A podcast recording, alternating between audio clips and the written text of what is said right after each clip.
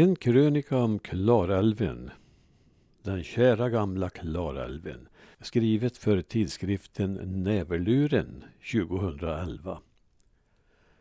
Vår stolthet är vår Klara, vår breda tysta Klara.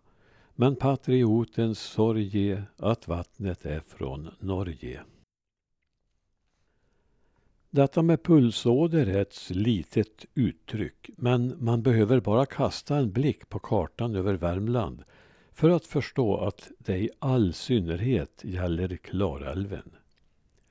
Den breda majestätiska Klarälven är en livslinje som skär sig fram rakt genom landskapet och förenar norr och söder samtidigt som den delar landskapet i en östra och en västra del. Den gamla färglagda hembygdskartan visar tydligt hur en remsa med bebyggd mark längs älven löper trådsmal genom vildmarken på samma sätt som Nildalens remsa skär sig genom öknen. Livet följde vattnen, förr i högre grad än nu. Vattnen förenade människorna och skogarna skilde dem åt. Man märker detta tydligt på dialekten speciellt språkmelodin som följde såväl Fryken som Klarälven. Det språkdrag som idag kan tänkas följa älven rör sig snarast uppströms. Språket i och omkring Karlstad påverkar norrut mer än det låter sig påverkas. Innan landsvägarna var utbyggda färdades man på älven.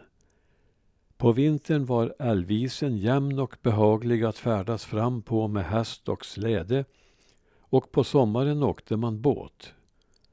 Folket vid forsarna stakade sina båtar istället för att ro och de som forslade tunga järnfrakter från Edebäck till Vingäng, tio motströmsmil, stakade också och utnyttjade i görligaste mån bakströmmarna invid land. Åren runt förra sekelskiftet, innan landsvägstrafiken tog över, trafikerades Klarälven mellan Edebäck och Vingängssjön av flera olika ångbåtar. Dessa var mycket populära och innebar ökad kontakt med stora världen bortom bergen. Varje vår var det rusning till tilläggsplatserna när de första ångbåtarna anlände. Det mesta timmer som lämnade norra Värmland i äldre tider följde vattenströmmen söderut ner till fabrikerna. Men 1991 upphörde flottningen och ersattes av tusentals lastbilsfrakter. Det mesta virket lämnar norra Värmlands skogsbygd obearbetat och därmed också arbetstillfällen och skattekronor som hamnar på andra orter. Samma sak gäller den kraft Klarälven med biflöden producerar. Vattenkraften lämnar bygden och så gör dithörande skatteinkomster. Råvarukoloni grymtar somliga. Av arbetsmarknadsskäl har befolkningen liksom sugits med av Klarälvens färd och främst ungdomarna flyttar söderut. På ett drygt halvsekel har förlusten för de tre nordligaste församlingarna, norra och södra Finnskoga samt Dalby, varit så stor att befolkningstalet minskat till omkring en tredjedel. Bygden utarmas sakta men alltför säkert. Men vi ska inte hemfalla åt kverulans, vi som är kvar vid älvens stränder. Vi bor vackrare än de flesta och har tillgång till det mesta vi behöver. En vandring upp på närmaste bergshöjd ger en hänförande utblick över Klarälven. En skönhetsupplevelse som inte förunnas så många. Skulle man inte ta sig dit upp kan man sätta sig i en båt eller kanot på älven och njuta av skönheten på plats. Ett ståtligt Brannesberg som visar sig upp och nervänt på vattenytan en stilla sommardag ger en inre ro som man inte upplever i pisterna och inte heller på så många andra ställen.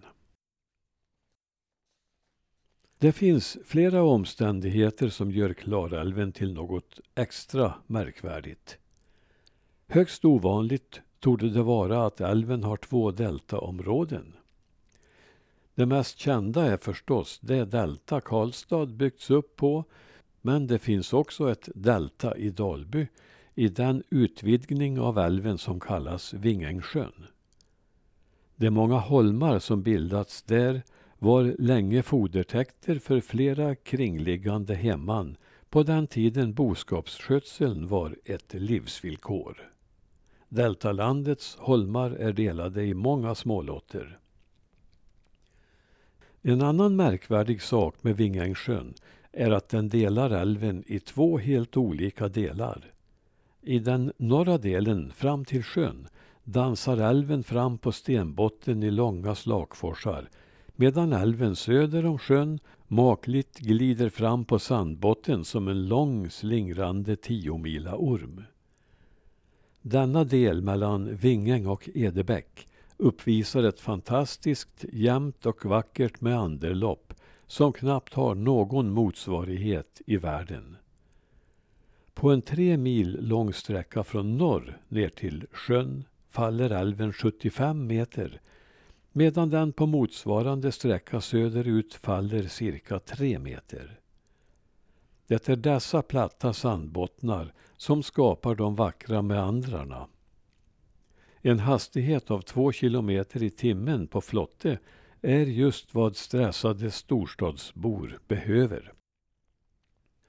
Mycket vackert har sagts och skrivits om älvens skönhet och den förmodligen första turistanledningen från norra Värmland gavs ut 1884 av löjtnant Wilhelm Edgren i Vingäng i boken Skildringar från Klarans stränder i norra Värmland skildrar han livfullt en ångbåtsresa söderifrån till Vingäng och landet vid älvens stränder kallar han poetiskt Liljekonvaljernas land. Men den vackra och mångomsjungna Klaran som Karl XI genom en sammanblandning kallade Maria älv har också en annan sida en mörkare och mer människofientlig sådan. Vissa år, i synnerhet i snösmältningstider, har hon tagit sig friheter som drabbat folket på stränderna på ett brutalt sätt.